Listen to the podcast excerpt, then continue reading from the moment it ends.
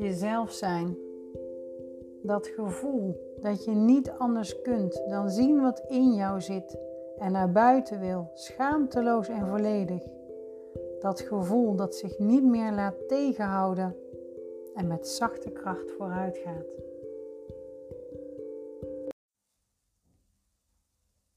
Een van de meest nare gevoelens die je kunt tegenkomen in jezelf, in je leven, is het gevoel dat je niet vooruit komt. Het is een van de moeilijkste dingen in je eigen leven wanneer je voelt dat je weg vol met rommel ligt, drempel of blokkades. En elke keer stoot je er weer aan. Of als je kinderen hebt, zijn zij het die zich stoten aan de dingen die jij laat liggen op je weg. Jouw rommel, jouw pijn. Elke keer probeer je vooruit te komen en voel je dat je tegengewerkt of tegengehouden wordt. Het is echt om gefrustreerd van te raken. Wat je ook steeds probeert, het lukt je niet. Het blijft voelen alsof je klem zit tussen je angst en je verlangen. Je blijft vastzitten op de plek waar je niet wilt zijn, een plek waar het je te benauwd wordt. Maar die plek verlaten, dat voelt misschien nog als veel enger. Misschien wel onmogelijk. Angst voor verlies houdt je op de plek waar je niet wilt zijn. Maar stoppen met aanpassen brengt je in beweging.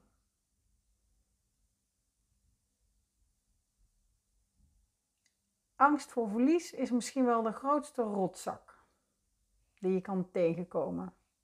Omdat het echt ervoor zorgt dat je nog liever voor lief neemt wat er allemaal in jouw leven gebeurt. Wat mensen tegen je zeggen, wat ze met je doen. De dingen die er gewoon op je pad komen. Je voegt je er nog liever naar. Je past je misschien nog liever aan. Dan dat je dus stopt met aanpassen en de beweging inzet richting jezelf en jouw leven. Nou, dat je hiermee aan de slag wilt, wanneer je dit anders wilt voor jezelf, dan is het nodig dat je gaat kijken wat er op jouw pad ligt. Wanneer je voelt dat je niet vooruit komt en die drempels steeds maar hoger lijken, te, hoger te worden, is het dus nodig dat je die eens goed gaat onderzoeken. Dat je ze letterlijk aan durft te kijken. Wat ligt er nou op mijn pad? Neem je innerlijke kind aan de hand en ga samen op ontdekkingsreis. Je zult merken dat er drempels zijn die er liggen vanaf het moment toen je klein was. Alleen waren ze toen nog niet zo hoog. Uiteindelijk maak je ze zelf hoger en komen er steeds meer dezelfde ervaringen bij die net zo lang blijven herhalen totdat jij geleerd hebt wat je mag leren. Uiteindelijk ligt er dus rommel op je weg die je zelf gecreëerd hebt in je leven. Het zijn dus jouw creaties, jouw overtuigingen. De enige manier om die weg te werken, om jouw weg vrij te maken en daarmee ook de weg voor je kinderen, is om inzicht te krijgen in waar ze vandaan komen en er uiteindelijk verantwoordelijkheid voor te gaan dragen. Dus hoe ontstaan nou die drempels? Een drempel op je pad is niks anders dan een belemmerende overtuiging ontstaan vanuit ervaringen die te groot waren en te zwaar voor jou waren als kind. Wanneer je als kind iets meemaakt dat te groot is, en dat is al heel gauw hè, voor een kind, dan ontwikkel je een overlevingsmechanisme, zodat je alsnog gezien en gehoord wordt, alsnog geliefd wordt, krijgt wat je nodig hebt, erbij hoort en voelt dat je ertoe doet. En op dat moment werken ze echt. Het zijn de overlevingsmechanismen die je later herkent als je patronen en die ook wel eens eh, genoemd worden het, het vechten, het vluchten en het bevriezen. Een voorbeeld, een moeder die bijvoorbeeld snel boos wordt. Ehm, die wordt niet boos als jij lief bent. Werkt perfect. Om te voorkomen dus dat ze niet boos wordt. Maar uiteindelijk draag jij daardoor andere lasten. En altijd langer dan de tijd van de ervaring, zeg maar van toen je klein was. Uiteindelijk draag jij die lasten veel langer dan die, die korte tijd. Ja, eigenlijk is het ook vaak wel lang genoeg ook, hè, je kindertijd, dat je dat hebt ervaren. Um, er ontstaat namelijk een overtuiging uit. En, en hieruit kan een overtuiging ontstaan. Als ik lief doe, dan ben ik lief. En dat maakt dat je uiteindelijk voorwaardelijk naar jezelf bent. Dat je jezelf niet zomaar iets gunt. Je moet altijd eerst dit, altijd eerst zus, eerst zo, dan dit, dan dat en dan pas. Dus die voorwaardelijke liefde naar jezelf, dat betekent eigenlijk dat je tegen jezelf zegt dat je nooit goed genoeg bent. Pas als je dit en dit gedaan hebt, maar jij dus in de basis bent dus niet goed genoeg. Je moet er eerst iets voor doen. En dus door de ervaringen die je dus hebt opgedaan in je kindertijd, ontwikkel jij dus je mechanismen.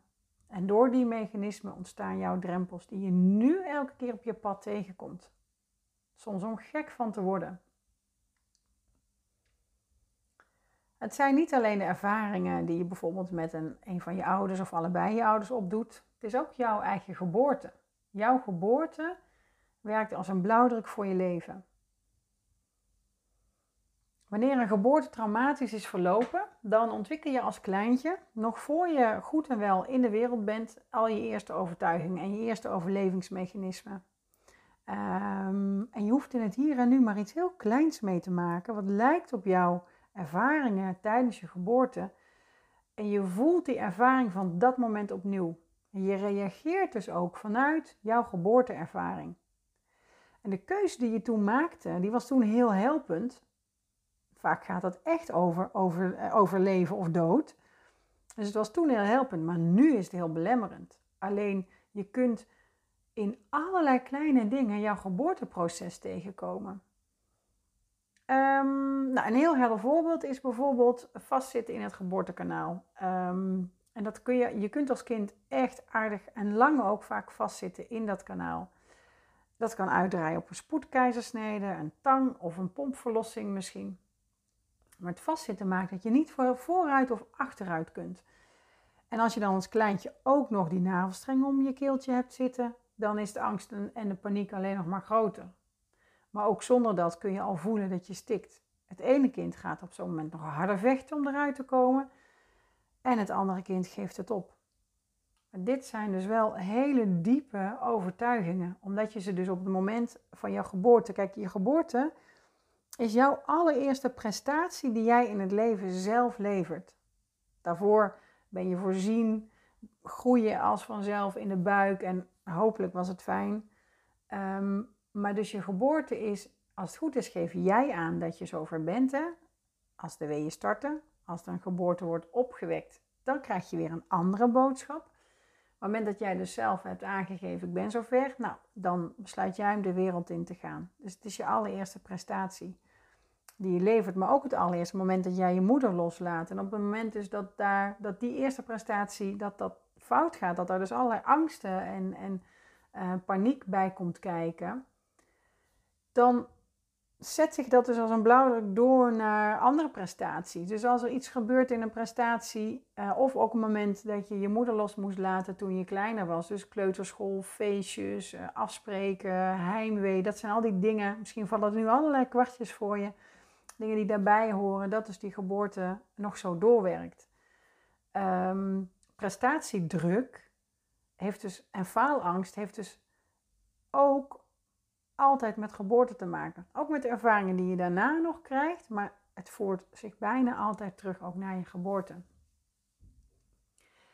Um, en die kom je dus ook, je, je komt dus die overtuiging ook elke keer weer tegen. Um, de, dus overtuiging die ik vaak hoor hier in mijn praktijk is, ik kan het toch niet.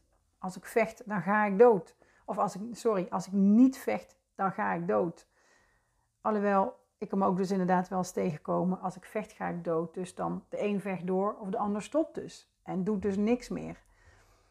Um, ik doe het wel alleen. Ik kan het niet alleen. Ik hoef niet meer te leven. Laat mij maar doodgaan. Dat zijn echt de diepe overtuigingen die ik dus hier uh, tegenkom. En dit kost dus echt bakken met energie. Wanneer je bijvoorbeeld iets tegenkomt in jouw leven waarin je voor je gevoel vastzit, eh, de ander wil niet meewerken, een project ligt daardoor stil of iets in je relatie uh, raakt vast. Dan kun je dus diezelfde paniek voelen als je stikt. En dan ga je doen wat je toen ook deed. Vechten tot je erbij neervalt of opgeven. Jezelf terugtrekken, de ander het maar laten oplossen. Maar beide reacties geven je niet het gevoel dat het iets oplevert. Je kunt het besef van invloed daardoor missen. En dat kost dus bakken met energie. En om vooruit te komen in je leven is het dus ontzettend belangrijk te weten hoe jij bent geboren. Zo krijg je inzicht in welke overtuigingen je hebt ontwikkeld. En zolang je dus, zolang je dus geen besef hebt van hoe belangrijk jouw kindertijd is en hoe je nu in het leven staat, en als je geen zicht hebt op hoe jouw ervaringen van vroeger doorwerken in jouw keuzes nu, je gevoelens en je gedachten, leef je niet jouw leven. Dan leef jij naar de verwachtingen van de ander. En dan is die ander dus altijd belangrijker dan jij. Dan vecht, jij door, dan vecht je je door je leven heen om erkenning te krijgen. Om te bereiken wat je wilt bereiken ten koste van jezelf, je energie. Jouw innerlijke kind is dus altijd meer aanwezig dan je denkt. En daarom is het zo belangrijk dat je hem of haar gaat omarmen. Inzicht is de eerste stap. Beseffen waar je dus vandaan komt. Stil gaan staan en kijken, voelen. En dan je innerlijke kind omarmen. Opnieuw gaan aankijken waar je allemaal doorheen bent gegaan als kleintje. Welke boodschap je hebt gekregen door je ervaringen, letterlijk door wat je ouders zeiden. Hun moralen en overtuigingen zijn al gauw dus de jouwe geworden als je klein bent. Zo doen we dat hier. En als je buiten die paden staat, dan sta je alleen. Dat is wat ik zo vaak hoor, wat mensen hebben ervaren vroeger. En nog. Dus blijf je binnen die paden, kleur je binnen die lijntjes, maar oh wat kan dat gaan wringen. En dat wringen, eh, dat merken we alleen zo laat op. Vermoeidheid koppelen we aan de drukte op het werk, een zere nek komt door een verkeerde zithouding, een pijnlijke rug is nou eenmaal je zwakke plek. Maar wat als we dat nu steeds, wat als dat nou steeds jouw kleine ik is die bij je aanklopt? Om gezien en gehoord en geliefd te worden. En wat als je daar nu eens naar gaat luisteren? Drempels werk je dus weg door eerst inzicht te krijgen, jouw blauwdruk, jouw overtuigingen, overlevingsmechanismen ontstaan vanuit je kindertijd. Dat is echt de eerste stap. Gaan zien wie jij echt bent. En dat kan voldoende zijn, maar soms is er meer nodig. Dan is de tweede stap het lichaamswerk. Maar het begint echt bij deze inzichten. En dat kan een flinke stap zijn. Om dat meteen in je eentje te doen. Als je dat niet wilt doen, dan heb ik een ontzettend gaaf online programma. Wat start op 19 maart. Ik zet de link hier, uh, zet ik er dadelijk bij. En ik zou niets liever dan met een paar, helemaal niet zo'n grote groep, wil dat er voor iedereen ruimte is, dat iedereen zich gezien en gehoord kan blijven voelen. Maar dat we met een kleine groep mensen dus naar deze inzichten gaan kijken. Dat we gaan kijken waar jij vandaan komt, wat jouw overtuigingen zijn, hoe jouw geboorte is geweest, hoe die voor je doorwerkt.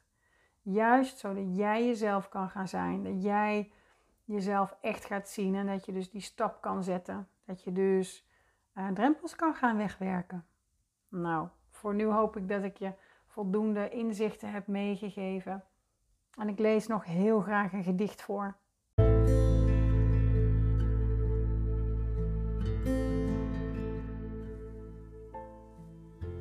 Van struggle naar sparkle. Ik struikel en ik strompel over alles wat ik zelf voor mijn voeten heb geworpen of heb laten liggen wat er lag. Ik kan niet verder zonder op te rapen wat me in de weg ligt om te zijn wie ik wil zijn. Dus ik laat los, ruim op, schreeuw het uit, want ik heb een stem. Ik voel en uit wat ik te zeggen heb. Duw opzij, geef terug wat niet van mij is. Ik bevrijd mezelf van de klem waarin ik zit, de te krappe jas die me niet meer zit. Ik beweeg voluit, dans en vlieg schaamteloos en volledig door mijn leven heen richting mijn eigen geluk. Diep in mij is het daar en het gaat nooit meer weg.